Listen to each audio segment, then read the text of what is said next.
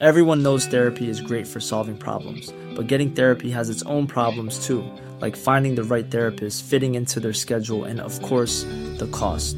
Well, BetterHelp can solve those problems. It's totally online and built around your schedule. It's surprisingly affordable too.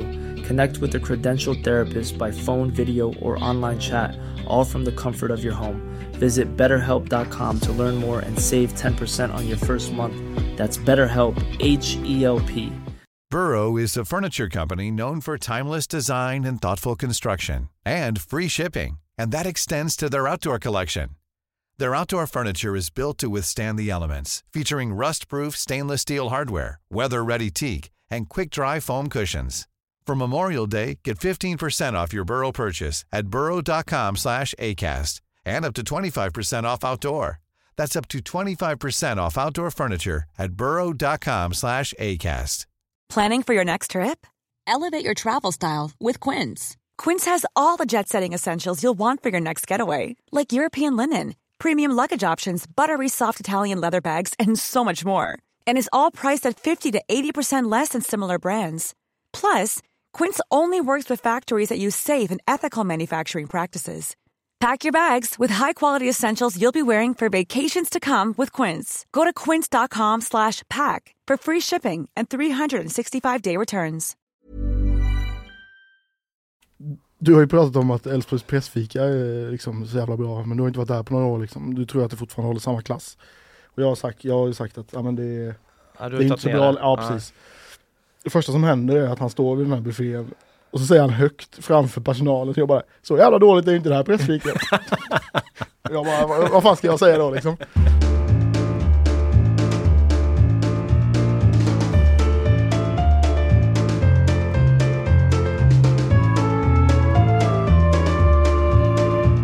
Hej välkomna till GPs fotbollspodd Laul med vänner som fokuserar på fotboll i allmänhet och fotbollen i väst i synnerhet. Idag har jag två fotbollsvänner med mig i studion, Filip Troler och Joel Besseling. Vi ska plocka upp premiären, eller premiärerna. Det har ju varit en lång rad den senaste helgen. Vi ska titta på tifon. Vi ska titta på hur de tippade topplagen i allsvenskan skötte sig i sina första matcher. Vi ska kolla på Blåvitts omedelbara ångestmatch. Vi ska diskutera om Elfsborg är topp eller flopp. Vi har ÖIS och Geis. Hur gick det efter deras tränares modiga tips? Vi har Boskos Utsikten som levererade direkt. Och dessutom är det comeback för Svennis-skalan. En premiär-Svennis. Vad har varit bra, mycket bra eller till och med mycket, mycket bra de senaste dagarna? Tänker du om den här programförklaringen, Filip Troler? Det låter gediget. Det känns som att vi ska få med det mesta va? Mm. Så eh, ja, det blir bra. Underbart. Eh, Joel Besseling, hur bra är läget? Som vår kollega Adam Fröberg har lärt oss att vi ska fråga, inte hur är läget, utan hur bra är läget? Vi måste utveckla vår tillvaro här på jorden också. Ja men det är skitbra. Ehm, Det var inget utvecklande svar dock. onsdag efter eh, premiärhelgen och det är fint väder och man känner liksom skjuts i steget efter, framförallt jag då som har bevakat Elfsborg som har haft eh, träningsmatcher hela, hela vintern här. Så att jag, jag, jag länge sedan jag var så laddad faktiskt. Mm, skjuts i steget är en formulering som tilltalar mig, så den är jag mycket nöjd med. får du höga betyg för. Mycket, mycket bra rent av. Eh, jag ska börja allt där innan vi går in på våra ämnen med en spaning. Det stormar ju nämligen kring AIK igen. Det är inte helt ovanligt att det gör det. Så nu är det dags för den, den eh, mer eller mindre årliga AIK-stormen då. VD Manuel Lindberg har tagit time-out efter att eh, medierna där uppe i Stockholm och framförallt då Fotboll Stockholm har eh, granskat Gnagets affärer med ett särskilt agentbolag. Ehm, den liksom vidare utblicken kring det här, vi ska inte liksom gå in för djupt på, på AIK-situationen här, men den vidare utblicken kring det här är ju att intresseorganisationen Svensk Elitfotboll hade i mars ett eh, möte ett eh, krismöte kan vi kalla det, där de eh, eh sammankallade alla sportchefer, Allsvenskan, Superettan, för att då diskutera att det har kommit in eh, agenter i, i fotbollsbranschen med, med kriminell bakgrund. Det här är väl inget eh, helt nytt, men eh, problemet har ju då blivit värre enligt bland annat eh, SEFs eh, sportchef Svante Samuelsson. Så att eh, där står vi just nu. Det här mötet enligt mina uppgifter mynnar ut i att man tittat på ett, ett par, tre specifika eh, agentbolag som man mer eller mindre varnar för då. Det här har ju Fotboll Stockholm också eh, skrivit för då. Och det här är ju eh, agentbolag som har spelare även i våra klubbar här i väst. Eh, så att vi får se liksom vad det får för konsekvenser framöver här även för de klubbar som vi bevakar. För det här berör ju inte eh, bara AIK då.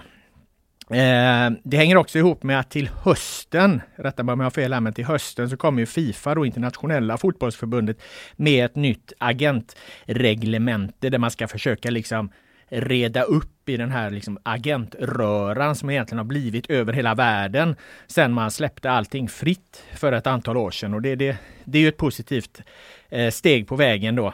Eh, en annan beröringspunkt med, med vår, vårt, vår del av, av bevakningen här i väst då, det är ju att eh, en en av AIKs affärer eller en av AIKs eh, förmedlare de ska ha använt sig av.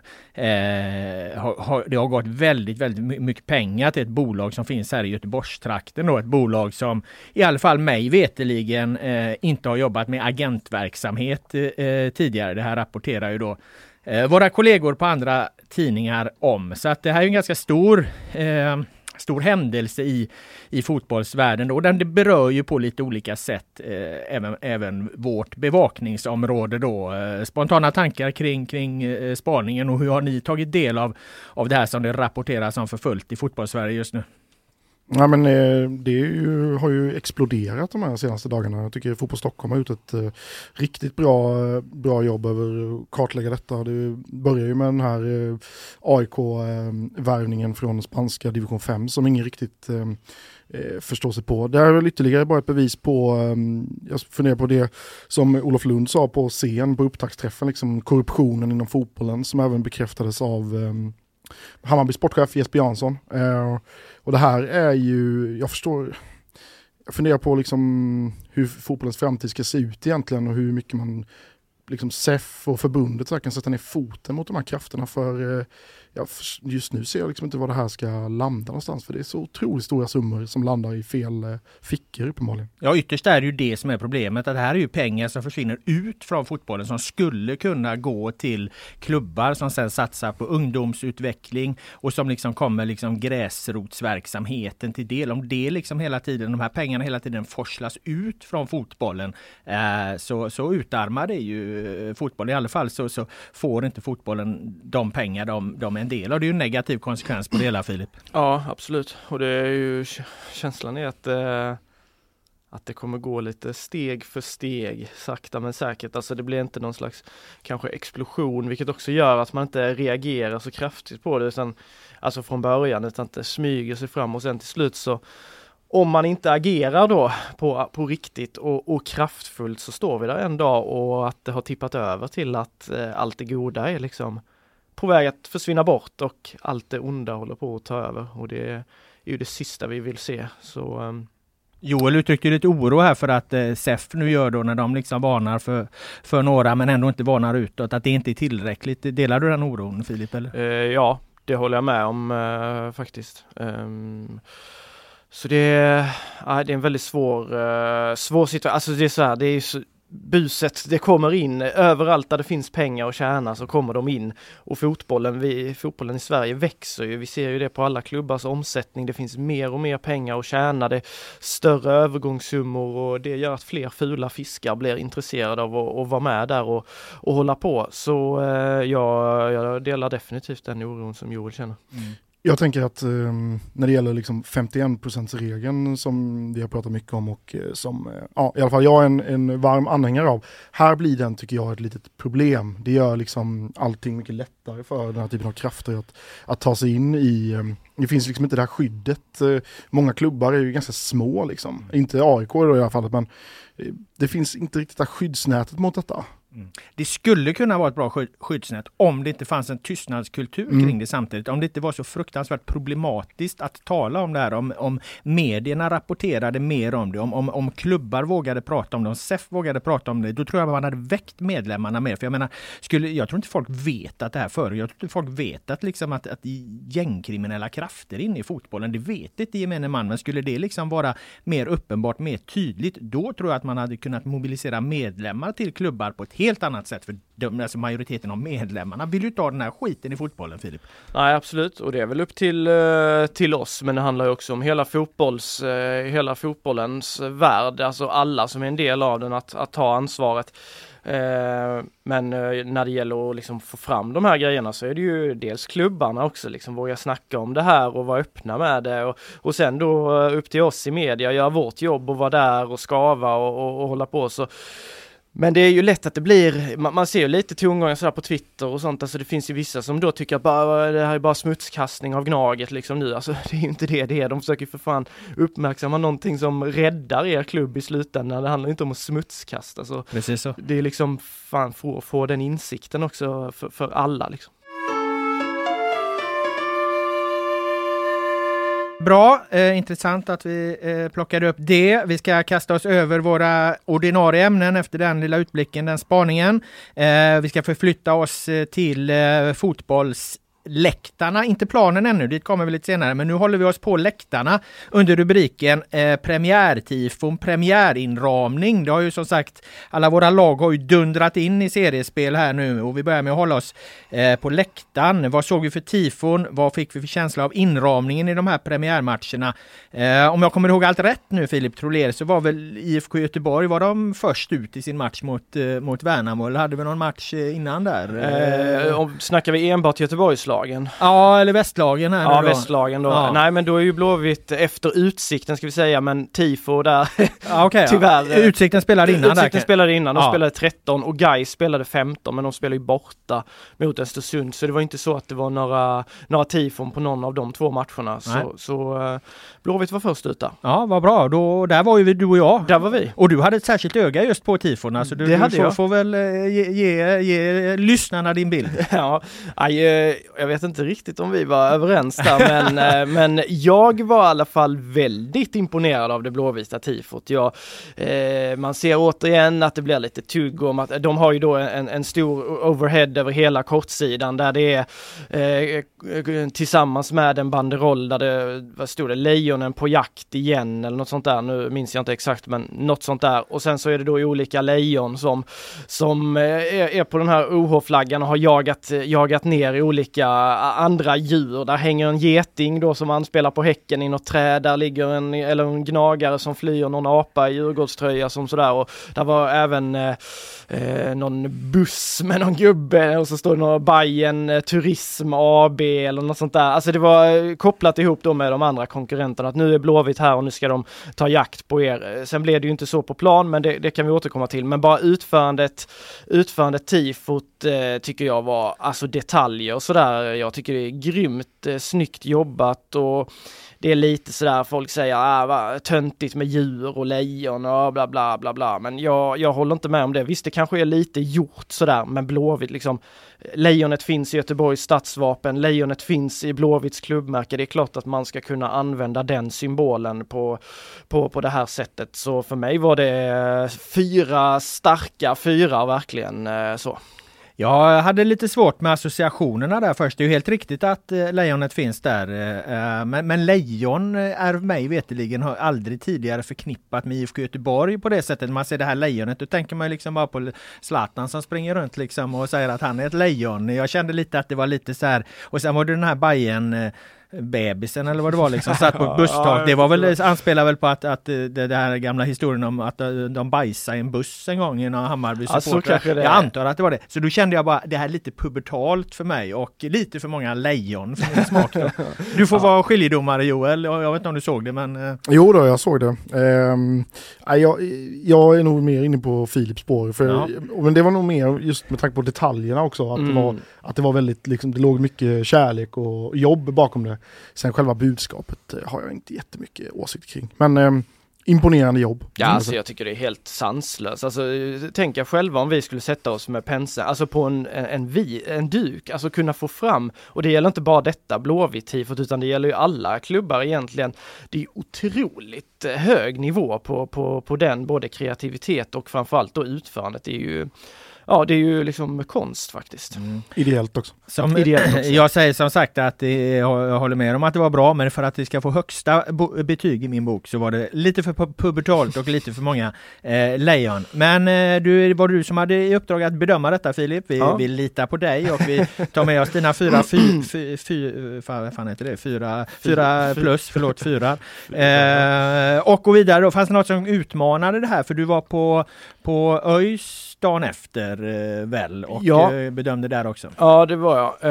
Eh, deras, alltså i mäktighet så här så är det ju naturligtvis inte i närheten. Men det, jag tycker också det blir ganska orättvist att jämföra ett lag som ÖIS som har betydligt mindre publikbas. De spelar dessutom på Bravida Arena. Kortsidorna där är inte i närheten av lika pampiga som Gamla Ullevis när, när, när de är fulla och när, när det görs tifon över dem. Jag tycker ÖIS gör ett eh, ganska, de kör ganska klassiskt liksom. Nu minns jag inte, det var något fotbollspoeter på frammarsch kan ha varit det. Ja, ja, ni får ursäkta mig där med, med textraden på banderollen. Minns inte den. Eh, Verkar inte ha varit något glasklart budskap då. nej, jag vet inte, men eh, sen mycket alltså skinande blanka ark, liksom så här eh, flaggor eh, i, i, i blått och rött och sen så lite rök till det och så. Jag tyckte ändå det var ett schysst eh, tifo eh, utifrån ÖIS kapacitet eller vad man ska säga. Så eh, det, det var kanske tre, tre, fyra i en superettan-kontext, fyra, fyra kanske i en superettan-kontext tycker jag väl ändå.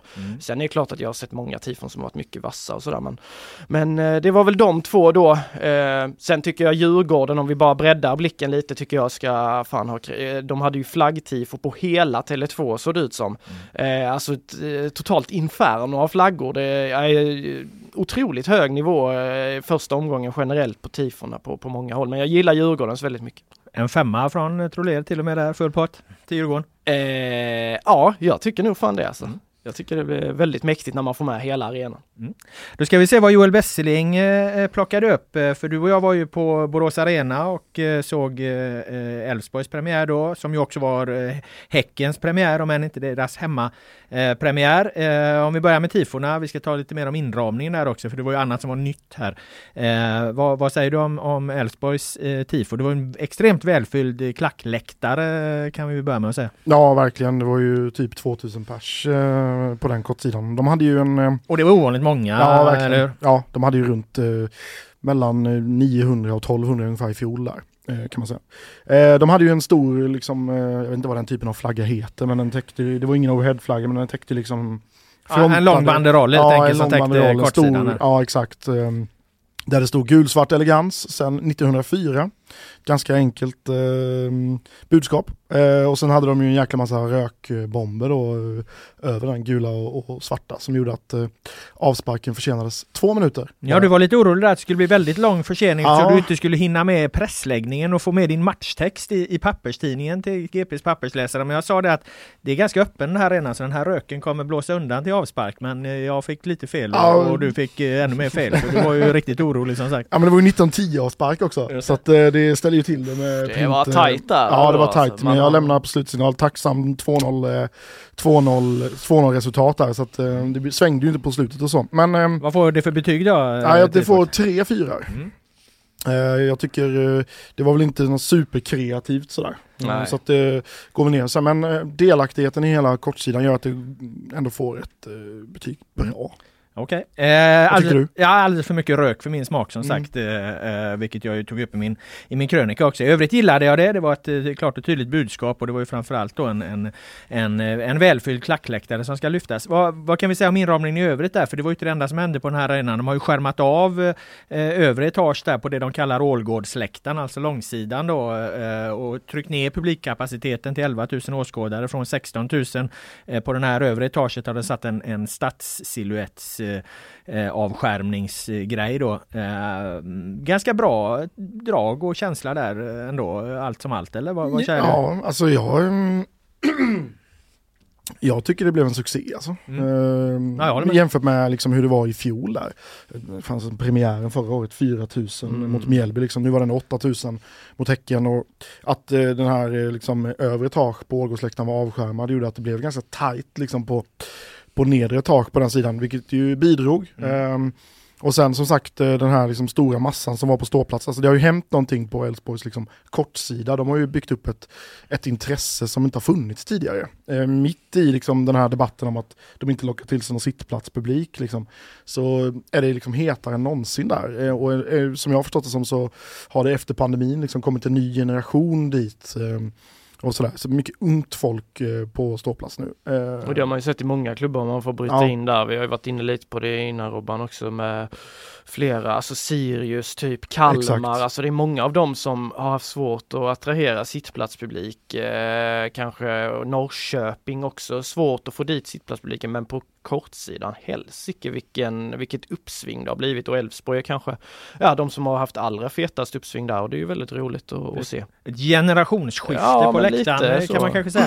Eh, häcken kan man lägga in där också. Häcken De hade ju på den, här, på den här matchen ett för, för med Häckenmått mätt då rejält bortafölje. Jag vet inte om vi kom fram till att det var 300 eller 500. Jag tror att vi landade någonstans 400 spekulationer Ja, där. Men, men, men, men ändå liksom en anständig och ganska så rejäl eh, bortaklack då som ju Som emellan, som emellanåt eh, hördes mer än vad dessa 2000 Elfsborgs supportrar då, då gjorde. Så de var lite mer synkroniserade i sin sång där emellanåt Mm. upplevde jag eh, Häcken. I takt med att eh, liksom resultatet gick Såklart. eh, Häckens väg också. Eh, så absolut, jag blev imponerad av att det var eh, så pass många där ändå. Mm. Sen ger ju den sidan, den får ju oftast väldigt hög, högt betyg av bortasupportrar för att vara väldigt bra akustiskt. Liksom. Den är Låter otrolig. bra. Alltså jag tycker Ja. det är bästa kortsidorna i, eh, i Sverige när det kommer till akustik. Ja, ja, Eh, alltså så, eh, Borås Arena, det är höjd, alltså det är det bästa med Borås Arena tycker jag. Ja. Jag tycker det är en bra arena annars Mm. också men just kortsidorna är ju perfekt utformade för att det ska kunna bli ett riktigt bra tryck där. Verkligen. Så- Katastrofal pressläktare ska tilläggas dock. Alltså det är den enda pressläktaren som saknar... I Sveriges överlägset regnigaste jävla stad så är det alltså den enda pressläktaren som saknar ett tak. De har liksom monterat dit några liksom plastmackapärer som man får, ska stå, stå, vara under om det,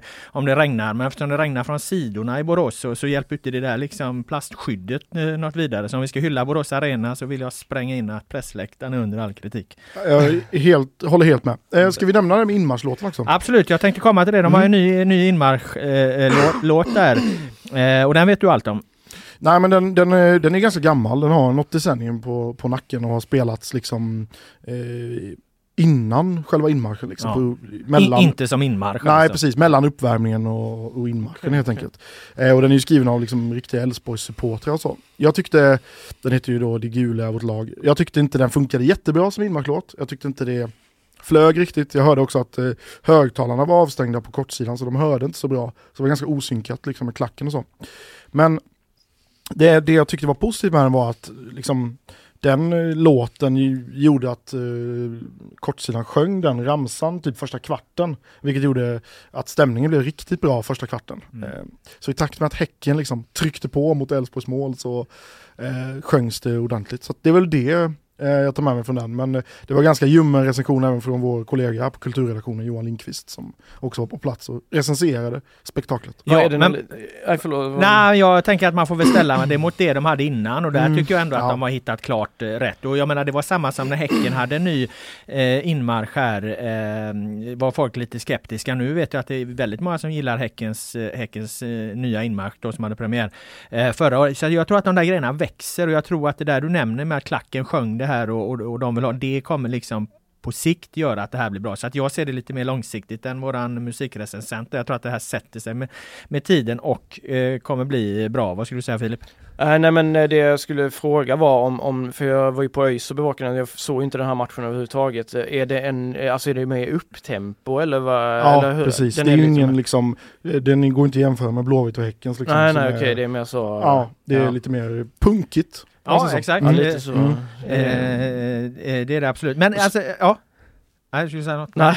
Nej. Men jo, jag måste bara säga, jag måste bara säga att alltså eh, arenan där, alltså de hade någon jävla, det blinkade lite från, från de här reklamskyltarna också i gult. Alltså sånt där brukar jag vara ganska allergisk mot och så, men jag måste säga att det, alltså det här gula liksom i samband med alltihopa, det, det, det, det, var, det funkar ganska bra. Alltså, tänker du på det Joel? Alltså, Nej, att- jag att de gjorde liksom- faktiskt inte det. Nej okej, men de har ju så här ljusskenor där Ja, reklamen rullar just liksom. det. Och det här hade de inkorporerat i hela, hela med inmarschen och allting liksom. Och så, så blinkade och så siluetten där liksom. Alltså, Det det, måste det var, vara- ja. Jag hör, jag hör jag här Att du liksom vill ha eh, någon discoshow när du går på fotboll? Är det hockey? Du, hockey finns ju här i Skandinavium om du vill ha så. Ja, eh, semifinal. Eld och lysen och grejer liksom. Ja, Nej du ska, vad fan du ska- Laul, är du detta ska- alltså? Du ska, du ska gå och kolla på det och så tror jag faktiskt att du kommer få en lite annan känsla. Det jag skulle säga det är första gången jag kände att okej, fan det här kanske faktiskt funkade eh, ganska bra. Just för Ja. att det, det, gav en, det gav en dimension med, med den här gula känslan som det skapade över allting där. Så jag, jag tror nog att om man använder det på rätt sätt och det, inte blir, det får inte bli för mycket disco av det, men i, i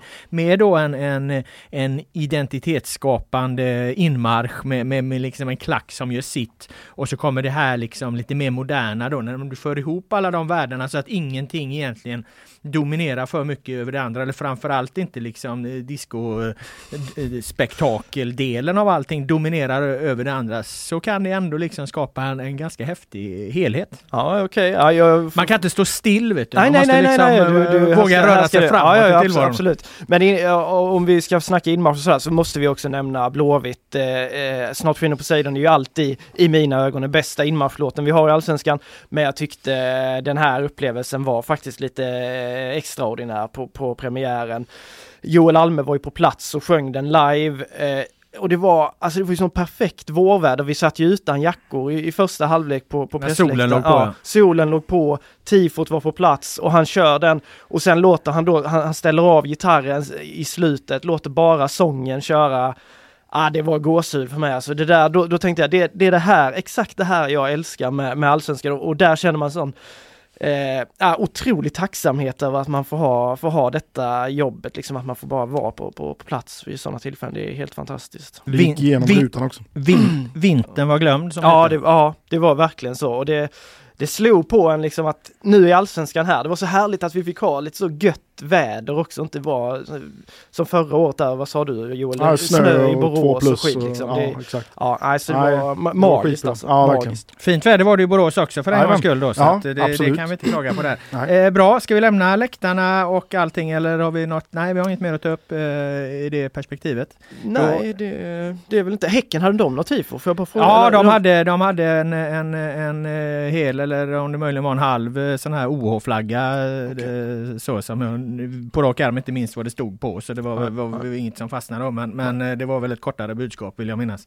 Eh, de laddar väl för sin hemmapremiär. Det brukar ju vara, vara så precis som Gais Ja, eh, antar jag då liksom att det, det, det är ju det som är den stora grejen då.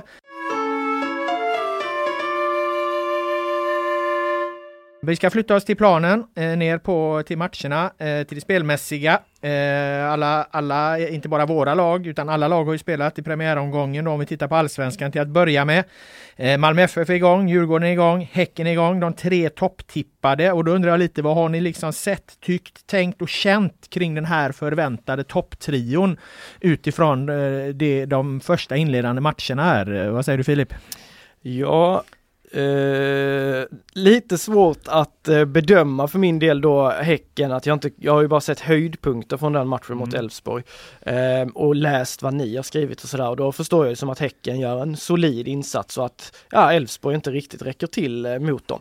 Eh, när det gäller Djurgården och Malmö så såg jag deras matcher men jag kunde inte följa dem helt. Jag satt och skrev ÖIS-texter där inför deras premiär och sådär men jag tyckte Ja, jag tyckte Djurgården var ju ändå, eh, ja de är otroligt bra alltså. Eh, Malmö dominerar, jag har flest chanser sådär mot Kalmar. Men deras seger var ju ändå lite sådär, det kunde ha eh, liksom klantat till det lite så hade det blivit ett kryss för Kalmar, hotade lite grann. Men alltså det är svårt för mig att liksom ranka dem, men Djurgården de, de tyckte jag ju var väldigt bra det jag såg av dem. Mm. Eh, Joel, vad om de tre topptippade, vad har du för bild? Ehm, jag såg, ehm, utöver liksom Häcken så såg jag Malmös match och sen Djurgården med, såg jag inte riktigt, eh, för då jobbade jag också med annat. Men ehm, jag tyckte ju att Häcken imponerade mest av de här tre. utifrån vad jag såg. Eh, de, alltså komma till Borås Arena och liksom Ja, det städa är- av Elfsborg med 2-0. Ett Elfsborg som du också var inne på i din, i din krönika Robban, att eh, de var ganska bra. Men Malmö är ju tunga liksom när de trycker på där på hemmaplan. De har ju en, en offensiv uppställning som jag, Ja. jag tror aldrig sett i Allsvenskan tidigare. Alltså det, ja. det, det laget liksom de har, alltså de borde kunna vinna med 3-0 mot Kalmar kan man tycka. Sen ser Kalmar rätt bra ut också. Men eh, Eh, jag, jag, jag, jag tippade ju Malmö etta och Häcken tvåa och Djurgården trea. Mm. Eh, snart undrar jag om inte jag ska flytta, byta plats på Häcken och Malmö. Så Så redan Ja, det- omgång in börjar Besseling tveka Ja, på sig själv. Utan Simon Gustafsson så gör Häcken Ja, en nej, insats nej, liksom. Jag är Nej, oerhört se, se, eh, se, imponerad alltså. Men, eh, Malmö, jag tror kanske i slutändan att de vinner på deras truppbredd. Men eh, nu går jag ju händelserna Ja, du otroligt går du mycket i förväg. här. händelserna i Ja, förväg. här. Det är det- 29 omgångar kvar. Men eh, om, om, om jag då svarar på min egen fråga där eh, så tycker jag ju eh, eh, någonstans att av de här eh, tre då så, så är ändå Malmö det är faktiskt det som imponerar minst på mig. För att med den liksom enorma offensiva styrkan de hade i sitt lag så fick de inte ut så jättemycket av det liksom. Visst, Kalmar försvarade sig bra och det var, det var trångt där och så, men det, det, det, det, jag tycker, jag tycker, alltså Häcken får ju ut mycket, mycket mer av sitt offensiva spel utan att, att eh, snedbelasta laget så otroligt mycket som Malmö gjorde så att, så att det är ju, Kalmar är på väg att kvittera i slutet för de har ju knappt några försvarsspelare på planen. Det var ju liksom soprent på Tinnerholms eh, kant där han var ju eh, liksom tredje höger, eller eh, de hade ju tre mittbackar då. Han, han var någon mellanting av ytterback och, och mittback där och, och eh, kom ju helt fel i positionerna några gånger när de flyttade över. Det var helt tomt där liksom, hade frilägen och ändå inte få ut mer av det. De vinner till slut liksom på en,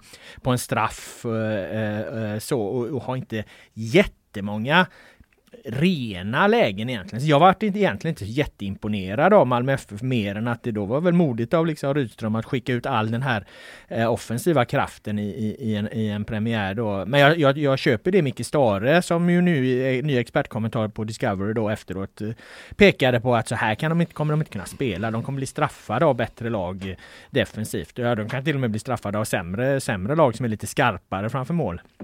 Eh, så att Malmö trea på den listan hittills. Eh, Djurgården håller jag som eh, tvåa. Eh, är ju totalt överlägsna mot ett svagt BP på, på hemmaplan. Hade säkert kunnat vinna den matchen med större siffror. Men de gör ganska tidigt 1-0 och liksom behöver inte förta sig på, på något sätt. Och sen Häcken då tycker jag imponerar eh, allra, allra mest. Det måste jag säga. Det, det, det, Eh, det var väl egentligen aldrig något snack och då tycker jag som sagt att Elfsborg gör, gör en, en, en, en bra insats men, men det är aldrig något. Och det som imponerar mest på, på mig egentligen med, med det här häck, nya Häcken då det är att de är så stabila defensivt. Alltså Elfsborg har inte många chanser och när man ser att okej nu har nu har Elfsborg hittat någonting. Jimmy Tillin gör ett trippelbyte i andra halvlek. Nu börjar de liksom tugga sig eh, lite närmre målet här. Ondrejka har ett bra skott. Eh, Besvort Sineli kommer in och gör ett bra inhopp. Då är det som att då, du, du, du trampar de bara ner gaspedalen Häcken i samband med att Elfsborg har en, en hörna. Visar att de kan ställa om blixtsnabbt, gör 2-0. Matchen är över liksom. Alltså, det- de visade liksom att de behärskar så många, många delar i sitt spel. Så att i prognostabellen just nu så är Häcken etta, eh, Djurgården tvåa, Malmö trea för mig. Ja nu kör du ju samma här som, som Wesseling här, en omgång. Men ja, prognosen. Ja, prognosen, Ja, ja, så- tipset så- håller jag fast vid. Ja, jag har tippat det- Malmö ja, etta, Djurgården ja, tvåa, ja, Häcken ja, trea. ja, Det håller jag fast vid. Här ja. ändras ingenting. Alltså lägg nu inte mig i samma skål som Besseling här nu. Jag ändrar mig inte. Jag jag ska- talar prognoser och inget Ska, ska annat. dra mig för det, dra mig för Ja. det. Men Rydström, det var ju lite som, han var ju nästan, eh, man kände ju nästan att det var så här supporter-elva typ att Mm. vi stoppar in alla offensiva roliga gubbar man kan ha liksom och så kör vi två försvarare och bara gasar liksom. Det blir ju sällan bra, alltså det är ofta man... Och Så tänk- balans. Ja Liksom. precis, alltså man tänker själv också varför spelar de inte mer av de här eh, liksom den duktiga dribblarna eller sådär. Men det är ofta att det inte blir bättre när man bara matar in eh, offensiv kraft. Och sen håller jag med, alltså jag hade ju kanske haft en annan analys om om jag hade sett Häcken för Djurgården hemma mot BP, det är ett helt annat motstånd. Åka till Borås Arena och slå Elfsborg borta med 2-0 så, men eh, jag får ju gå på det jag såg där och jag tyckte Djurgården också så, alltså så här Djurgårdsstabila ut liksom, som de alltid ser ut, utom när de mötte Häcken i Svenska cupen. Finns det väl anledning att varna för något annat lag än de här tre av det ni har sett hittills? Eh, För att bilden har ju varit ganska samstämmig, eh, inte bara bland oss men egentligen bland alla som följer allsvenskan, att, att det är de här tre som kommer göra det. Har ni AIK förlorade mot Halmstad, Hammarby vann eh, hemma mot, eh, mot eh, Degerfors, Elfsborg pratade eller så, såg ni något, eh, eller är, det no, no, har ni imponerats av några andra helt enkelt som kan spränga sig in här? Eh, nej, egentligen inte så. Återigen, jag såg inte Hammarby heller. Det har varit mycket, mycket fokus på, på att skriva texter och sådär. Men eh, eh man kan väl bara säga att Halmstad eh, tvålar till AIK. Nu är inte Halmstad något topplag, men det är ju en sån där eh, frän skräll som är väldigt rolig. Jag hörde att det hade varit nästan 11 000 på, på Örjans vall och bara det är ju helt fantastiskt att Halmstad lever upp så. En del AIK också såklart, men men eh, det var väl en sån där pigg grej från den första omgången om man säger. Men mm. eh, nej, jag ser inga kandidater just nu som kan slå sig in där topp tre. Inte konstigt att vdn fick ta timeout dagen efter där, även om det kanske hade andra eh, orsaker. Eh, Joel, eh, Elfsborg då, hur, mm. hur liksom, eh, nu har vi båda nämnt att vi tyckte de var bra där. Mm. vad, vad, känner du där liksom? Är det ett, är det ett topplag eller, eller är det ett flopplag? Vad, vad, vad, är, vad är din känsla efter en match? Ja men det är ju att, vi, som jag har varit inne på många gånger tidigare, att eh, de, har aldrig, de har inte spelat någon en tävlingsmatch än och nu fick vi se dem första gången. Jag tyckte att de såg liksom samspelta ut, framförallt i liksom kontringsspelet. Eh, det tycker jag de fick till. Ehm, flera gånger, den här långa bollen från mittback upp till ytter. Liksom. Sen fick de inte till eh, en mötande forward eh, på, på det sättet de vill vet jag. Jag har sett många träningar att forwarden ska ner liksom, på egen planhalva nästan och skarva vidare. Och så. Det fick de inte till. Nej, han lyckades... rörde sig inte många meter, eh, islänningen där. Gudjonsson nej. nej. nej. Um, så jag tycker ändå att det såg hyfsat synkigt ut och ganska bra i försvaret också, även om det var jobbigt. Framförallt hade ju, tycker jag, Johan Larsson hade rätt jobbigt med uh, deras vänstersida där, Häcken, mm. när de liksom kommer runt och överlappar på överlapp på överlapp hela tiden. Liksom. Uh, men jag tyckte det såg okej ut men något topplag, alltså topp tre, jag har ju sagt hela tiden att topp tre hamnar de inte. Det är, alltså Häcken, Malmö, Djurgården eh, är steg före skulle jag säga. Mm. Eh, men ja, jag, 4 jag, fråg, jag frågade ju Thelin det på presskonferensen där, hur mycket kan man lägga in mm. i att, att eh, Häcken kommer ju ändå från rejäla värdemätare i Svenska Kuppen, särskilt den matchen mot Djurgården medan Elfsborg då i deras, det här är ju deras första tävlingsmatch. Liksom. Mm. Hur, hur, hur, hur, mycket kan man anta att Häcken är i närheten av sitt max i förhållande till hur mycket har Elfsborg kvar att hämta där? Jag tycker att det är ett, ett intressant eh, perspektiv att föra in där. Men jag vet inte riktigt om, om, om vi fick något ordentligt svar på, på, på det liksom. Nej, det fick vi ju inte. Jag tyckte det syntes lite grann. Mm. Sen tyckte jag ändå att Elfsborg såg ganska synkad ut, men det är väl mer timing och matchtempo tempo och sådär. Häcken spelar ju ganska snabb fotboll. Mm. så det, det, blev ju, um, det blev ju åka av tidigt i matchen. Men um, ja, jag tycker det finns flera liksom, frågetecken kring Elfsborgs lag, eh, framförallt eh, det centrala mittfältet och eh, inte minst strikerpositionen. Liksom. Mm. Var det Gudjonsen från start? Ja, det var det. Inte Frickadona? Nej, Frick har ju varit lite skadad här mm. senaste veckorna. Eh, så att de ville väl ge Gudjonsen chansen. Men eh, precis som på försäsongen så, så tog han inte den. Mm. Och det är väl framförallt, eh, det är inte bara offensivt utan det är även i pressspelet liksom som han inte håller alls samma kvalitet. Mm. Han som du har superhyllat Ockels, nu mm. vet jag att han inte är central anfallare och ytter men hur såg han ut? För jag, han tog jag in i mitt fantasylag och där blev fan inte mycket av det. Tidigt utbytt. Jag fick ju halva redaktionen och ta in honom i sitt fantasylag. Nej det såg inte alls bra ut. Ondrejka såg bättre ut när han kom in. Eh, han hade ett livsfarligt skott ja, där. men, eh, nej, Ockels kom inte in i det heller. Däremot var Bernhardsson bra. Mm. Uh, Bernhardsson såg man väldigt tydligt att när du tittade på Häckenspelarna och vilket liksom klipp och tryck Ja. De har i steget hur snabbt de rör sig liksom. Så var det egentligen bara Bernhardsson som ser likadan ut i Elfsborg skulle jag säga. Som har liksom det liksom nästan internationella steget, alltså av anfallarna. Jag håller helt med. Uh, sen måste jag passa på, och som du var inne på, Besfort Seneli. Mm. Som uh, en egen talang som har liksom tragglat på nu i ett och ett halvt års tid. Uh, och inte fått, han, har, han har fått två allsvenska inhopp tidigare och de har varit typ fem minuter vardera. Nu fick han ändå um, en halvtimme drygt, 35 minuter fick han. Och jag tycker han, eh, liksom, hans samarbete med Ondrejka och Niklas Hult tyckte jag var kul att se. Han är ju, kommer han rättvänd liksom 5-10 meter utanför straffområdet så är han eh, farlig alltså. Mm. Problemet är att han inte riktigt har haft den här smartnessen på seniornivå tidigare men um, nu är ju Michael, Bay, Michael Beidou kanske skadad också så att uh, Ja, Seneli Junior kanske får chansen mm. här mot Varberg på måndag. Det passar väl kanske inte riktigt honom en naturgräsmatch mot Jocke Perssons Varberg liksom, men uh, vi får se. Mm. Du vet eh, Filip att Joel Wesseling höll ju på att göra en Bojan Djordjic med, eh, med, med Jimmy Tillin där på presskonferensen efteråt. Apropå, apropå, apropå Seneli då. För att eh, Baidu blir skadad i första halvlek och då byter, då byter de in eh, Boateng. Boateng. Eh, och sen i an, tidigt i andra halvlek kommer Seneli in och Seneli gör ett jättebra bra inhopp. Så att, så att Joel var inne på liksom att, att Sineli skulle kommit in redan i första halvlek när, när Badou blir skadad då.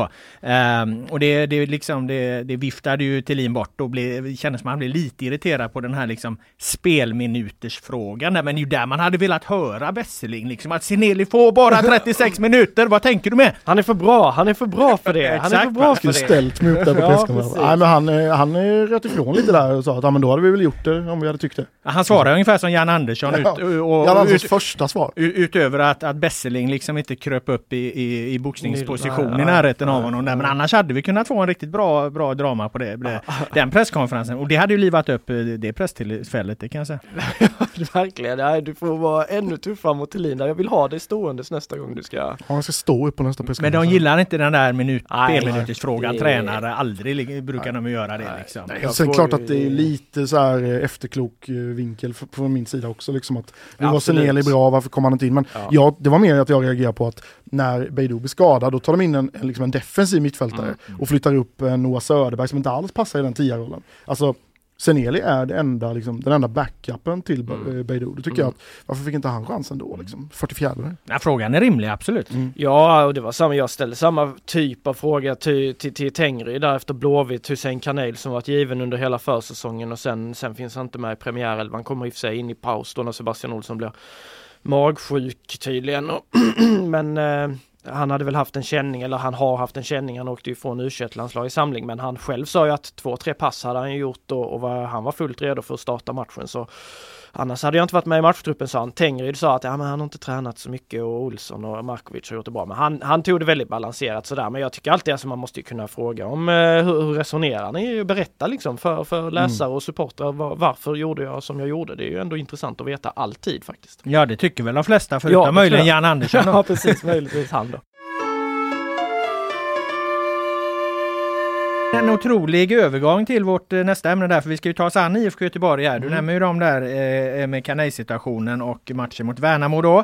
Ehm, och eh, frågan måste ju ställas då efter den här förlusten, hemmaförlust mot IFK Värnamo, eh, så hamnar ju Blåvitt i ett ganska knivigt läge direkt. De har Kalmar borta, sen har de väl Malmö hemma, Djurgården eh, borta. Och då undrar jag, Filip Troler, är Kalmar IFK Göteborg världens genom tiderna tidigaste ångestmöte?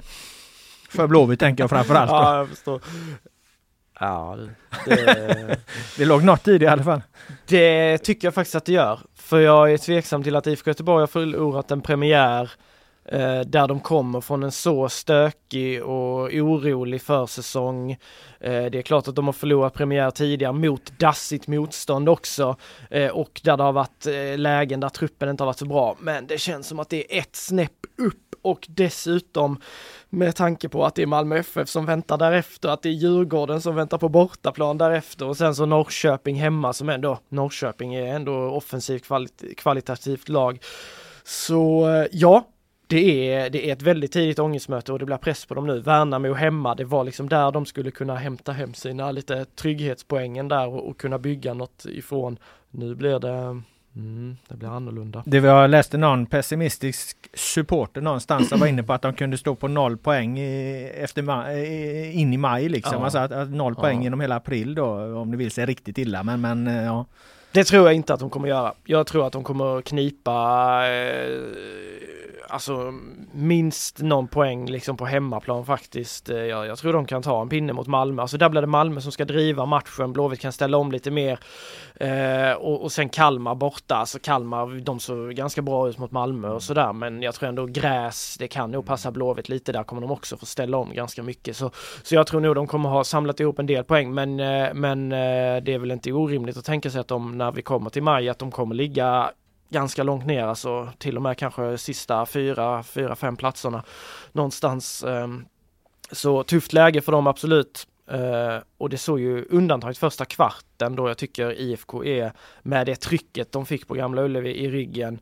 Uh, då sköljde de ju över Värnamo och verkligen hade, hade greppet om det. Men Därefter är det ju en okej okay första halvlek men sen andra halvlek är ju inte alls bra och då mm. vinner ju, eller så sett så vinner Värnamo välförtjänt även om det totalt sett kanske hade varit mer rättvist med ett kryss men eh, jättemycket press på Blåvitt nu. Jag tycker de ändå gör rätt Blåvitt här, alltså de möter ju då ett eh, Värnamo som är eh, på gränsen till naivt men i alla fall extremt i, i sin vilja att spela upp från egen backlinje. Alltså de, de, de, de rullar ut hur, hur högt Blåvitt än står ut med bollen liksom och så försöker de eh, såga sig igenom där. Och Eh, där får ju IFK ganska bra bett i pressspelet, trycker tillbaka dem. Är de bara lite skarpare framåt den första kvarten där så ger de ju sig egentligen möjligheten att ta en ledning där. Ja. Tyvärr är ju Marcus Berg inte vad Marcus Berg var förra året och då har ju Blåvitt liksom inte några, några liksom poängmaskiner. Jag vet att Gustav Norlin gjorde mycket mål eh, och mycket poäng förra året men, men, men det känns nästan som det är en, det är en liksom, han är ingen poänggaranti på det sättet Nej. liksom utan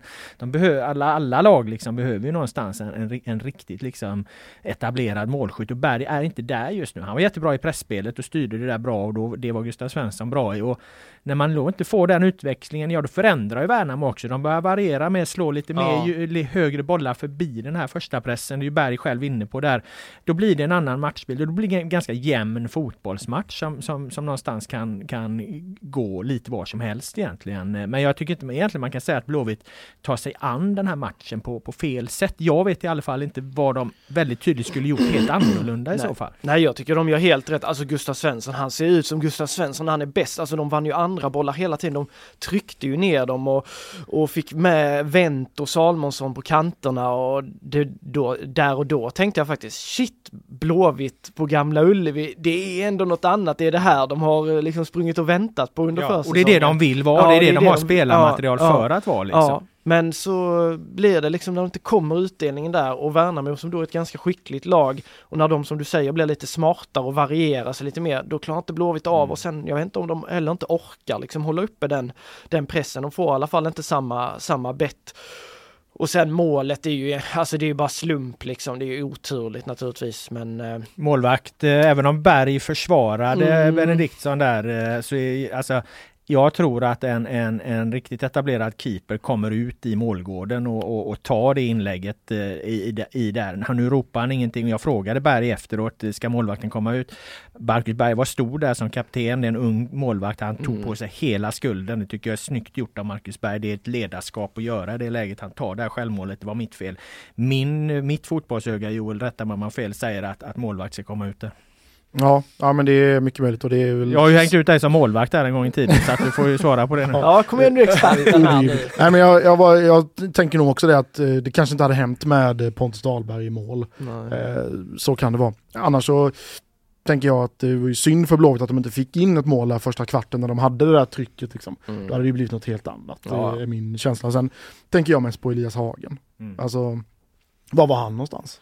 Eh, alltså det, jag minns när liksom eh, Micke Stare på den tiden han var Blåvitts tränare så eh, proklamerade han ju ut ett 4-2-3-1 här innan, innan början säsongen, vilket Hagen var invärvad för. Mm. Att spela bredvid Gustav Svensson bakom Kanel i ett 4-2-3-1. Nu spelar han helt plötsligt central mittfältare i ett 4-4-2 mm. och jag får helt plötsligt vibbar av Simon Tern igen. Liksom. Eller igen, men jag får det. Mm. Jag tänker på vad Simon Tern sa i, i Hunden, katten, glassen här podcasten förra veckan när han sa att jag inte passade in i ett 4-4-2 liksom och hela den här grejen. Det ser inte ut som att Hagen gör det heller. Nej, det, det, är en korrekt spaning. Jag tycker han är med lite i början på matchen sen, men när det blir mer alltså försvarsspel och sådär och, och han ska vara en av två sköldar blir det ja. nästan och det är ju inte hans grej överhuvudtaget så han, han hamnar ju också helt, eh, helt snett i det.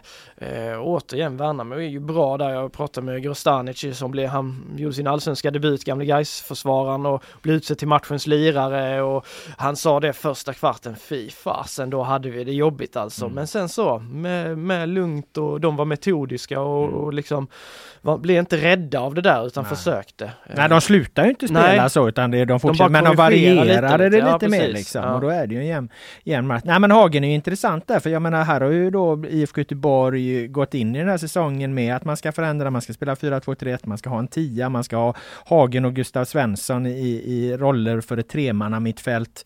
Eh, och sen så tror man plötsligt inte på det efter några matcher i Svenska Cupen. Eh, sparka gärna gå tillbaka till 4-4-2, ska, sen ska spela mer fart på kanterna och så vidare. Då har man ju egentligen kastat bort eh, eh, ett par månader där när man har jobbat och försökt med något helt annat, vilket gör ju hela den här sparkningshistorien ännu mer obegriplig eh, i mina ögon i alla fall. Ja, men alltså en, jag tycker bra tränare liksom anpassar eh, spelsystemet utefter vad du har för spelare och nu i, i det här fallet tycker jag att Ja, spelar du 4-4-2 med det här laget, ja men då, då försvinner framförallt två spelares kvaliteter och det är Hagen och det är till viss del Hussein Kanel. Mm. Alltså han passar inte heller in i 4-4-2. Mm. Absolut inte. Nej, nej det gör han inte. Det är möjligen om man har inverterad yttrar mm. eller så att man, man, kan ha honom, man kan kliva in så. Men, men, men han är ju eh, bättre också när han är en ytter i ett 4-2-3-1. Ja, ja, så kan han ligga högre upp. Ja, alltså hans försvarsspel är inte hans Ja, då har du två liksom. städare bakom ja. liksom och det tycker jag Visst, Marcus Berg och Gustav Svensson passar väl alldeles utmärkt i 4-4-2 men det är mm. också typ de enda. Ja, sen är det inte jättestor skillnad ska man säga på 4-2-3-1 och 4-4-2. Det är just det här att man har en tia istället för en anfallare. Mm. Och i 4-4-2 har du två anfallare. I 4-2-3-1 har du en tia istället för en, en mer ensam central anfallare och så får du yttrarna lite högre upp som du var inne på Filip. Och sen kan man liksom då rollstyra de två sittande mittfältarna lite mer så att Gustav Svensson kan ta defensivt, Hagen mer, mer flytta offensivt. Men, men jag håller med. Eh, det här projektet är ju tänkt lite för, för, för det som de började med i vintras och nu Precis. är det något eh, annat, inte jättemycket annat, men de är ändå något, något annat och, och, och utifrån det så var ju strategin mot Värnamo rätt. De fick ut en hel del av det i början. Men det som jag varit inne på väldigt länge, har Blåvitt inte Marcus Berg i det slaget han var för? Då spelar de här andra grejerna inte så jävla stor roll. Då är de försvagade. Då är de ett lag någonstans för tiondeplatsen i min bok. Mm. Nej, det är svårt att säga emot eh, just nu. Ja, just nu är det ju svårt att säga emot. Jag, jag har ju själv satt väl dem som sexa eller sjua. Jag, jag, jag trodde väl ändå att de skulle kunna ha lite, lite mer i sig, men jag tänkte att det här laget kommer vara starka på hemmaplan och det får ju sig också en törn liksom här nu direkt när de eh, för på Gamla Ullevi så ska de ändå kunna ta många poäng med energin och det här. Men så åker man på 0-1 där direkt och så skapar det lite osäkerhet och så ska man möta Malmö hemma och så får du kanske en om det vill sig illa en, en tuff förlust där också. Så ah, får du inte någon kraft alls med dig i, i det. Så det problematiskt på många fronter. Mm, vi är tillbaka där vi börjar. Världens tidigaste ångestmöte väntar ja, mot Kalmar ja. borta till helgen här. Då är du på plats Filip, rapporterar därifrån. Yes.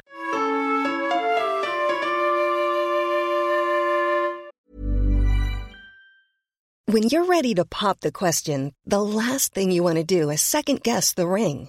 At BlueNile.com you can design a one-of-a-kind ring with the ease and convenience of shopping online. Choose your diamond and setting. When you find the one, you'll get it delivered right to your door. Go to Bluenile.com and use promo code LISTEN to get $50 off your purchase of $500 or more. That's code LISTEN at Bluenile.com for $50 off your purchase. Bluenile.com code LISTEN. Ryan Reynolds here from Mint Mobile. With the price of just about everything going up during inflation, we thought we'd bring our prices down. So to help us, we brought in a reverse auctioneer, which is apparently a thing. Mint Mobile unlimited premium wireless. Ready to get 30, 30, bit to get 30, bit to get 20, 20, 20, bit to get 20, 20, bit to get 15, 15, 15, 15 just 15 bucks a month. So, Give it a try at mintmobile.com/switch. slash $45 up front for 3 months plus taxes and fees. Promo for new customers for limited time. Unlimited more than 40 gigabytes per month slows. Full terms at mintmobile.com. Planning for your next trip? Elevate your travel style with Quince. Quince has all the jet-setting essentials you'll want for your next getaway, like European linen premium luggage options, buttery soft Italian leather bags, and so much more. And it's all priced at 50 to 80% less than similar brands. Plus, Quince only works with factories that use safe and ethical manufacturing practices. Pack your bags with high-quality essentials you'll be wearing for vacations to come with Quince. Go to quince.com slash trip for free shipping and 365-day returns. Vi lämnar IFK Göteborg med det och eh, glider, vi lämnar hela allsvenskan faktiskt. Eh, vi ska ta oss till superettan. Vi hade ju superettans tränare eh, hela trion eh, i våran livepodd förra veckan och det var modiga, det var modiga representanter där. Gais Fredrik Holmberg var inne på att eh, Gais skulle komma topp tre, precis som media tippar honom då trea. ÖIS Jeffrey Robin, han spände bågen ännu mer och sa att, att ÖIS kommer sluta etta eller tvåa. Eh, Bosko Orovic, han kanske spände, var den som spände bågen allra mest utifrån vad Utsikten egentligen står stå för i och med att han tippade dem som sexa då. Eh, ja, sen eh, kom verkligheten och eh, den enda segran vi hade där, det var, det var Bosko Filip. Ja, det var Bosko, ja precis. Det är otroligt. De, eh, de jobbar på med sina små medel och eh, absolut att det kunde gått åt ett annat håll där också. Men fan, Utsikten när det väl är dags så tar de en, en trea och då, då, då leder de stadskampen än så länge. Så här. Och eh, han vann eh, hjärnornas kamp med Tobias Linderoth där då, Bosko? Eller? Ja, men det, det får man väl ändå säga att han gör. Jag tycker uh, Utsikten generellt så gör de en ganska bra match. Sen ska vi säga att uh, han målvakten för en gångs skull, det är ett bra målvaktsspel. Elias Hadaya kliver ju fram och gör några riktigt bra räddningar. Och det är man inte bortskämda med utsikten längre. Nej men precis, och, och tänk då när de får en bra målvakt då då kan de ju ta sig någon annanstans än när de hel, hela tiden behöver spela bra och inte kan räkna med sin målvakt överhuvudtaget. Då är de våren 2022 igen när de ja, ville vara det ja, stora ja, överraskningslaget i svensk fotboll för fan. Ja, och när de hade Brattberg då där bak. Så, eh, nej men det var väl en jättebra start. Nu ska de möta Landskrona Boys eh, borta. Boys som förlorar sin första grej med, Bosko var ju inne på det på vår eh, upptaktsträff där också, att de kan ju lira helt utan press och jag tycker mm. det syns när det väl blir skarpt läge att absolut att det var lite sådär nervigt där också i början kanske men inte alls på samma sätt om man tar hur det ser ut hos ÖIS liksom, utan de kan, det är axlarna nere hela tiden och de bara lirar. Det är liksom utsikten. De, de har kul, de, de ser ut att njuta av att spela fotboll hela tiden. Så, eh, sen kunde det som sagt ha blivit ett, ett kryss också. Det hade inte varit helt orättvist. Bosko var ursinnig i vanlig ordning vid, vid sidlinjen emellanåt där. Det, Han är ju den enda tränaren som är både tränare och expertkommentator i samma Ja, precis. Jag hörde honom mer än vad jag hörde kommentatorn. ja, det var, det var, om det var Wilhelm Nilsson, han fick sig några riktiga, väntar du på? ja, det är, det är magiskt. Det är han magiskt. sa väl i våra, hos oss där i, i livepodden att han har bara sågat en spelare eh, offentligt i hela sin karriär liksom. Ja. Den här målvakten i våras va? Men ja, det, det var lite lågt räknat av ja, Det var nog lite lågt räknat, äh, vare sig han menade i tidningen eller eh, bara att man har hört liksom vad han skriker på, eh, på bänken och sådär. Så ja, det var lågt räknat absolut. Mm. Men de, är, ja, de, de fick en bra start i alla fall. Ja, en annan sak han sa det var ju just att eh, när, apropå de här liksom spända bågarna från ÖIS och Gais då, som ju att de tippade sig själva ganska högt där, så då var ju han ganska snabb att påpeka där att får de en dålig start så, så kan det där bli jävligt jobbigt och jag vet inte hur, hur, hur mycket ska man så hävda att de har fått en dålig start, eh, tycker du? Alltså Gais eh, tappar väl liksom en, en, en, en ledning på tilläggstid i princip? Eller? Ja, det var väl 80, Östersunds frispark. 89 minuten mm. där. Uh, I Gais fall så tycker jag inte man kan säga att det är en dålig start. Absolut att Östersund tippade sist. Men hemmaplan, de brukar ändå vara rätt svårspelade där uppe i kylan och sitt konstgräs och sådär. Och Geis är ju det bättre laget i den här matchen. Om man tittar XG och sådär så är ju Geis eh, klart bättre till och med. Ehm, men sen kommer det en frispark som det var ett jäkla liv om. Det är ju lite bråkigt där mellan Axel Norén och om det var Cesar Velid eller hur man uttalar hans efternamn eh, som hamnar i någon situation eh, en bit utanför Gais straffområde där han, Östersundsspelaren, först ser ut att liksom trycka ner Norén och där ska väl Norén ha frispark. Norén håller sig inte riktigt kall, går upp, knuffar ner honom och så blir det varning på båda, frispark Östersund. Och den hänger eh, Östersundsspelaren där med ett otroligt jävla frisparksmål som är otagbart för, för Krasniqi. Och få en sån grej emot sig 89 det är klart att det Ah, den långa bussresan hem där. De hade annars suttit och njutit av tre pinnar. Julius Lindberg hade gjort ett fantastiskt mål. De hade fått den där perfekta starten som de hade velat kommit hem till Brage hemmamatch här med. Med allt i, i lugn och frid liksom. Men nu är det lite mer eh, lite mer sådär, skulle de förlora hemmapremiären då, då är det en pinne på, av sex möjliga här. Så det målet det gör skillnad, men jag vill ändå hävda att insatsen som sådan var i liksom värd tre poäng, det tycker jag faktiskt. Den borgar för tre poäng eh, till helgen här då? Ja, Brage förlorar första. Brage var det många som, mm. Jeffrey flaggade upp dem, bland annat som ett av lagen som kommer gå upp. Eh, så det är ingen enkel match och de är också så här ganska solitt bygge liksom. Kleber har kört, Kleber Sarenpää har kört dem i många år och det, det är ett tufft lag att möta alltid. Man brukar alltid vara livat när man är på de där matcherna. Brage, det brukar alltid vara ett jäkla liv när de möter dem och det är mycket så här högljudda diskussioner och så. Eh, så eh, det, är en, det är en tuff utmaning men eh, ja, guys ändå, det är ändå okej okay att komma hem med en pinne. Det är ju sättet som det sker på i slutet som är lite här far, farhågan då för deras del om man tänker. Mm, apropå livat och högljutt, eh, Jeffrey Aubin var inte helt nöjd med ÖIS eh, poängtapp. Nej, det var han inte heller och som jag skrev i min fem punkter där, alltså det var som att eh, jag, jag, kunde klicka igång vilken ÖIS-match som helst de senaste två, tre åren känns det som, så hade det varit exakt det här vi, vi hade fått se. ÖIS är ganska bra spelmässigt, undantaget första halvtimmen, för då var de inte bra, då var det nervigt och, och hackigt och sådär. Eh, men sen eh, från att AFC tar ledning med 1-0 så gör ÖIS en jättebra match och, och, och, då är det så här, ja de är det bättre laget spelmässigt, släpper in en bjudning, eh, en fast situation där Jesper Modig först får nicka en gång och så får de en ny hörna och sen får han komma helt fri och sätter in den. Det var Jeffrey förbannad på. Mm. Och sen i andra halvlek så är det ju ÖIS är på gång, de har chans efter chans, man, publiken lyfter dem och, och 2-1 mål hänger i luften då ah, då kommer det att de ska dutta sig runt där vid eget straffområde, lite så som det såg ut under Dane-perioden, spela sig ur hela tiden, lite som Värnamo. Ett liten dålig bolltouch från eh, Hampus Dahlqvist, AFC tar den, får på en pangträff, 2-1 och så måste de jobba uppförsbacke. Och sen får de in ett 2-2 mål på, på, på fin karaktär och, och jobba, men de är också spelmässigt värda en seger här. Nu blir det 2-2 mot AFC hemma.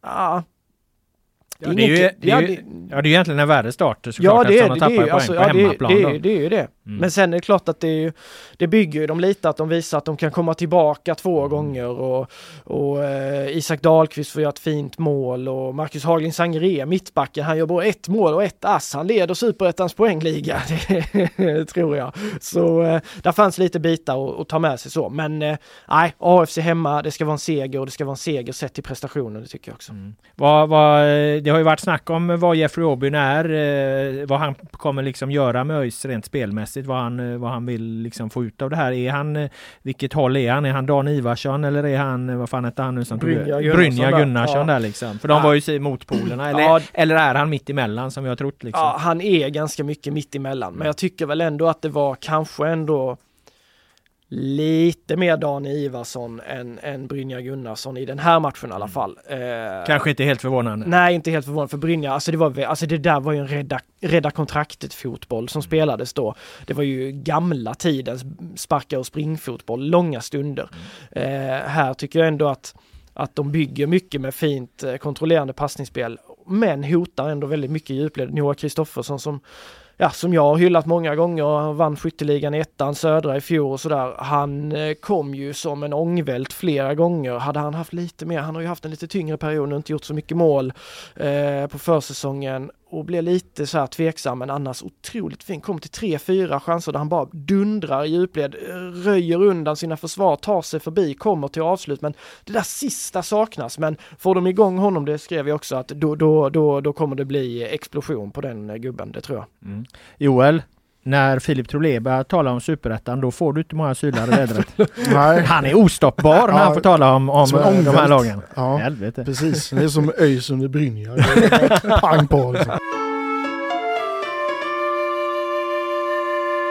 Eh, jag ska släppa in dig nu här eh, Joel däremot i vårt sista ämne. Det är ju så att eh, eh, vi har ju vad vi kallar för Svennis-skalan hade vi förra året i alla fall. Nu kör vi in en modifierad Svennis-skala här, premiär-Svennis som jag eh, kallar det. Ni får välja ut precis vad ni vill eh, egentligen i hela världen. Men det är bra om det handlar om, om lagen eh, här i väst eh, någorlunda i alla fall och eh, i någorlunda närtid. Ni ska ta fram något som har varit bra, mycket bra eller mycket och mycket, mycket bra. Och du får börja Joel, eftersom du inte har sagt så mycket på ett tag än. Nej, precis. Jag får vila mig lite. ja, får vila rösten. Ja. ja men vi pratade om det här innan Robban också. Det är lite lurigt för det här är egentligen en kritik då. Men vi... Ja, det du vill börja med. Ja, ja det jag vill börja med. Exakt. Ja, exakt. Ja, men min bra punkt var att jag tyckte innan Elfsborg-Häcken, eh, Discovery-sändningen där, Irma Helin eh, Sebanjad, eh, hon liksom gick ut lite i försvar till domarna liksom och sa att jag tycker spelarna har för, ehm, de är, de är för hårda mot domarna i media liksom och sådär. Respektlösa va? Respektlösa, exakt. Mm. exakt. Um, I sin kritik mot domslut, de ja. tycker det är fel då. Och det var ju bra mm. att hon gjorde det. Mm. Men jag tycker, jag faktiskt, jag har stört mig på det ända sedan liksom Discovery tog över eh, svensk liksom, elitfotbollen, allsvenskan och superettan. Jag tycker de har haft alldeles för mycket domarfokus i sina sändningar. Eh, mycket så här veva, repriser på, det är väl kanske för att jag själv tycker att det är jäkligt ointressant och mm. älta liksom domslut och sånt. Jag tycker det är bland det tråkigare vi har. Um, och det, det, de lägger ut klipp i sociala medier och sådär på um, är det här straff eller inte och så blir det en massa retweets och mm. ja, sådana grejer. Jag ja, det är de som underblåser. Ja men lite så. Ja. Sen har vi också ett ansvar, mm. absolut. Men nu har inte jag gått ut och sagt att uh, att spelarna är för respektlösa. Så att det, jag kan väl ändå liksom vara lite kritisk här. Men jag tycker att um, de har ett ansvar för det. Uh, hur de liksom vinklar sina sändningar och mm. sådär. Och jag tycker det har varit för mycket domarfokus där. Mm. Så det är väl bra om de också kanske tänker på det nu då. Mm. Alltså jag håller precis med dig. Jag ska inte säga att det var anledningen men det var fan bidrog till att jag lämnade Stockholm och flyttade till Göteborg och bytte arbetsplats. Jag är otroligt trött på Sportbladets ideliga mm. eh, fokus på, på domarmisstag. Alltså jag tog upp det på möte efter möte eh, men upplevde att det, det, det, det, det, det gick inte att göra något åt det där. Varenda jävla gång det var något sånt så skulle liksom bli artikel på det. Fruktansvärt tröttsamt. Där tycker jag vi på GP är mycket mer liksom eh, vi värderar det på ett annat sätt. Liksom. Det är inte, vi hade en diskussion på Elfsborg där ja. Eh, Joel till mm. exempel. Och Drejka sa att jag ville haft straff där liksom. Men vi sa vad fan, vi, det, så, mm. vad fan de förlorade med 2-0. Det var inte matchavgörande, det var ingenting. Alltså, vi kan inte ta upp alla de grejerna. Liksom. Nej, jag har gjort mig skyldig till det också ja. eh, tidigare. Det ska jag absolut inte sticka under stolen med. Men jag tycker själv att det är väldigt liksom, mm. tröttsamt att ta del av. Ja, för det är jävligt negativt mot domarna hela tiden. Och absolut. då får vi fan VAR till slut. Ja, det är ju så. Nej, det, vi, jag, vi satt här en gång i höstas tror jag hade den här diskussionen Robban och, mm. och att att det är ju, vi, vi snackar om supportrar som inte kan bete sig på läktarna, alltså det är sans och balans hela tiden på alla fronter och det är inklusive oss själva. Jag tyckte på Blåvitts match, eh, för där ställde jag ju själv fråga, var det straff eller inte till, till ett x antal personer. Sebastian Olsson blir manglad av Värnamos målvakt. Värnamos målvakt, han, han skrattar, varför kallar ni detta för straffsituation? Det var inte straffsituation överhuvudtaget.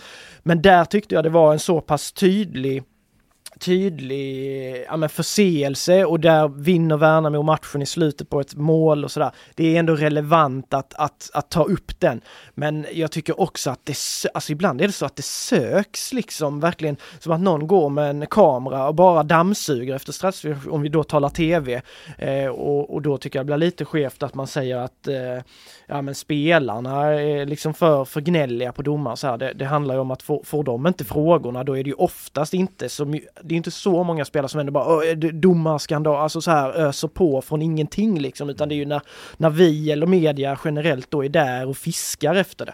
Så... Eh, ja det sa Staro i Discovery också, att ja. det kommer oftast ledande frågor. Ja precis. Och, och så, så det... Ja och det är ju lite slapp journalistik för ja, det är klart det är... som fan att det finns bättre saker ofta att ta upp. Liksom. Absolut. Sen så, jag säger inte att liksom är det stora extrema saker som sticker ut eller liksom eh, mer principiella resonemang kring straffsituationer. Då tycker jag det kan vara jätteintressant. Eller domarfrågor så. Då, då mm. kan det absolut vara. Men det kan inte vara varje, varje, varje gång. Nej, man måste eh, hålla, hålla det balanserat, balanserat som sagt.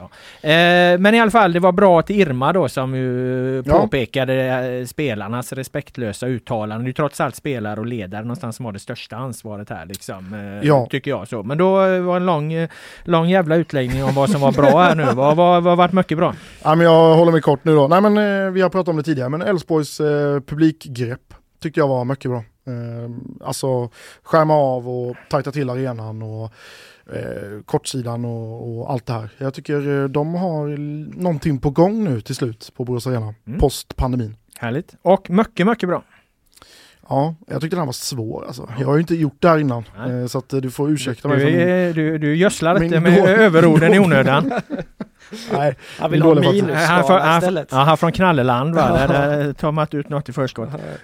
Nej, men jag, jag, jag säger Häcken. Mycket, mycket bra. Mm. Alltså, de är, ja, de är eh, i min bok bäst i serien. Mm.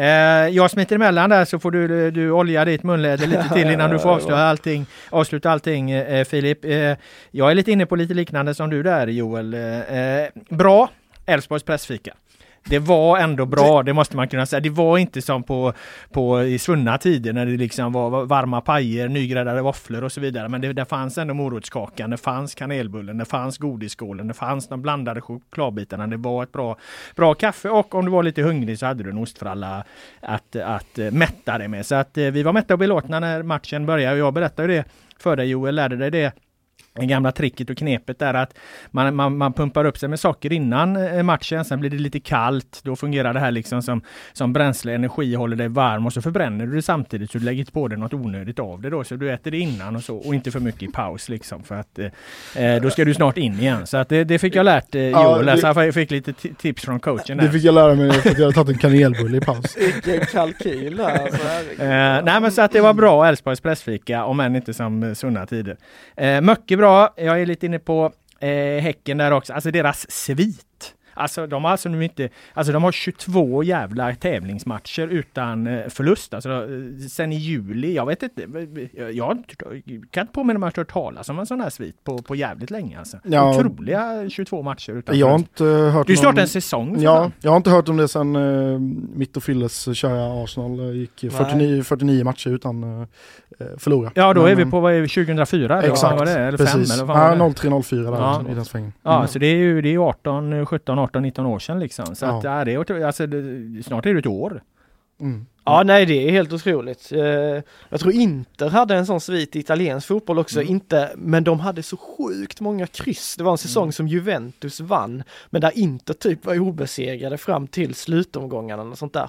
Så det var väl, vad kan det ha varit, 35 matcher eller något sånt där. Mm. mm. Men det var otroligt mycket kryss. Häcken har ju massvis av vinster här så nej den, den sviten är ju, det är ju mäktigt verkligen. Och så mycket, mycket bra då, eh, nämnde det inledningsvis där. Jag tycker det är starkt av en tremanna redaktion som Fotboll Stockholm Stockholm att gräva och rota i de här grejerna kring, kring AIK, kring agenter och så. Det är, alltså, det är ändå rätt luriga krafter du där. Jag såg att det var någon, någon, någon av deras reportrar hade ju fått till sig att han skulle tänka på sina barn och sådana här grejer. Du vet, få det från, från personer som du inte riktigt vet vad fan de har för, för, för kopplingar och bakgrund. Alltså det, det är rätt obehagligt. Och är du då på en liten liksom, redaktion så har du inte alls det skyddet som, som vi har här på GP. Alltså, så att jag tycker mycket, mycket bra till Fotboll eh, Stockholm för deras eh, medierapportering kring de här frågorna. Filip, eh, Svennisskala, premiär-Svennis. Ja. ja, först vill jag också bara stämma in i Fotboll Stockholm. Jag tycker det är fantastiskt jävla bra gjort alltså och eh, som du säger att kunna, ja, det handlar faktiskt också om att våga. Så eh, väldigt, väldigt... Jag vill bara få in ett perspektiv, ekonomiskt modigt också. Eh, mm. Jag menar de eh, är ju liksom prenumerationsfinansierade på det sättet, ett litet ställe liksom. Eh, jag har sett liksom i sociala medier att mm. AIK har uppmanat till bojkott och sådär. Jag tycker det är... Så jäkla dåligt av AIK att, att ja. alltså det är så ruggigt dåligt alltså att inte se ja, det, det större, kunna lyfta blicken där alltså, det måste jag säga. Ja, verkligen. Men eh, det perspektivet ska man ändå ha med sig också. Mm. Då får du köra in eh, ja, då, eh, Sist men inte minst. Nej, precis. Eh, då tar jag en lite generell punkt på, på, på första då, vad som var bra. Jag tyckte målvakterna var eh, väldigt eh, bra om vi tar våra, våra lag här, kanske mest superettan-fokus då. Eh, jag tycker Mattias Nilsson gör några riktigt fina räddningar mot, mot AFC, framförallt kanske Mergin Krasniqi sjuk, eh, han gör ett par sjuka räddningar mot Östersund och då Elias eh, Hadaya som, som också gör några riktigt fina räddningar för Utsikten. Eh, det var inte så att de dominerade eller det hölls nollor, eh, Hadaya gjorde det, men, men det var just de häftiga räddningarna. Det var ett par riktiga sådana klassräddningar som, som stack ut och jag tycker faktiskt när jag kollat lite höjdpunktssvep och sånt, har varit många häftiga målvaktsräddningar den här första, första premiäromgången. Så, så det, det var väl bra tycker jag. Bra spaning! Den Tackar. var oväntad. Ja, ja. ja Brett eh, perspektiv på något som ja. ingen annan tagit upp. Nej men det var Malcolm, Malcolm Nilsson Sävqvist, han gjorde också en helt jävla sjuk räddning på något AIK-friläge där och han firar som om han hade vunnit VM-guld eh, sen, eh, både då och efter, efter slutsignalen framförallt. Eh, ja, det var häftigt. Eh, mycket bra tycker jag att Eh, mycket bra. Ja, mycket bra ska vi säga. Det ska vara med Svennis-tonen där. Eh, Isak Dahlqvist, eh, han, han, var ju fenomenal i, i fjol och eh, han, eh, han bara fortsätter, alltså eh, ÖIS han är inte kvar längre till sommaren om han fortsätter så här. Eh, och där kan de ju casha in igen då. Det får man berömma ÖIS för hur de har lyckats här på senare år med Herman Sjögrell, Aydin Celjkovic, kunnat få fram dem, få dem i form och sälja dem vidare för ändå superettan mått mätt bra med pengar. Isak Dahlqvist helt fenomenal, gör ett mål som är Ja, det är internationellt snitt på det, bara han är så hal, han är så, de jämförde honom med Iniesta efteråt och sådär. Eh, otroligt klassmål och bjöd på några riktiga delikatesser utöver det med tunnlar och ja, det var show faktiskt från, från Dahlqvist eh, junior, den minsta i, i trion. Eh, så han var mycket bra. Och eh, mycket, mycket bra, det tycker jag ändå att eh, jag, jag, kan inte släppa inmarschen på IFK Göteborg, snart skiner Poseidon och, och i det ögonblicket som, som var där och naturligtvis generellt också stämning och sådär så i den här premiäromgången. Det har varit väldigt mycket som har varit bra. Det har inte vad jag har hört varit något stök alls överhuvudtaget. Det har bara varit Eh, fotbollsfest och eh, där eh, tycker jag att exemplet med Snortskinn Poseidon och den, den inmarschen som Blåvitt-fansen tillsammans med honom lyckades mobilisera, det var, det var mycket, mycket bra. Mm, det får rama in då en premiäromgång som var precis så som vi, vi, vi vill ha den med alla de ingredienserna som vi uppskattar och tycker om och mindre av, av det som vi inte gillar. Det har vi avhandlat då för det finns ju på annat håll här kring de här agenterna då. Men då har vi fått med egentligen fått med allting högt och lågt i det, i det här avsnittet. En annan gång eh, Joel så ska jag berätta för dig vad det här Svennis mycket, mycket bra var det kommer ifrån och så. Men, men jag håller på den historien eh, lite grann. Jag har berättat den för våra lyssnare vid ett par tillfällen så jag kan ta den, den, den för dig lite senare där. Eh, jag tackar er för era kloka inspel och era synpunkter. Jag tackar alla som har lyssnat. GPs fotbollspodd Loud med vänner är tillbaka nästa vecka igen med ett nytt avsnitt. Ha det bra så länge!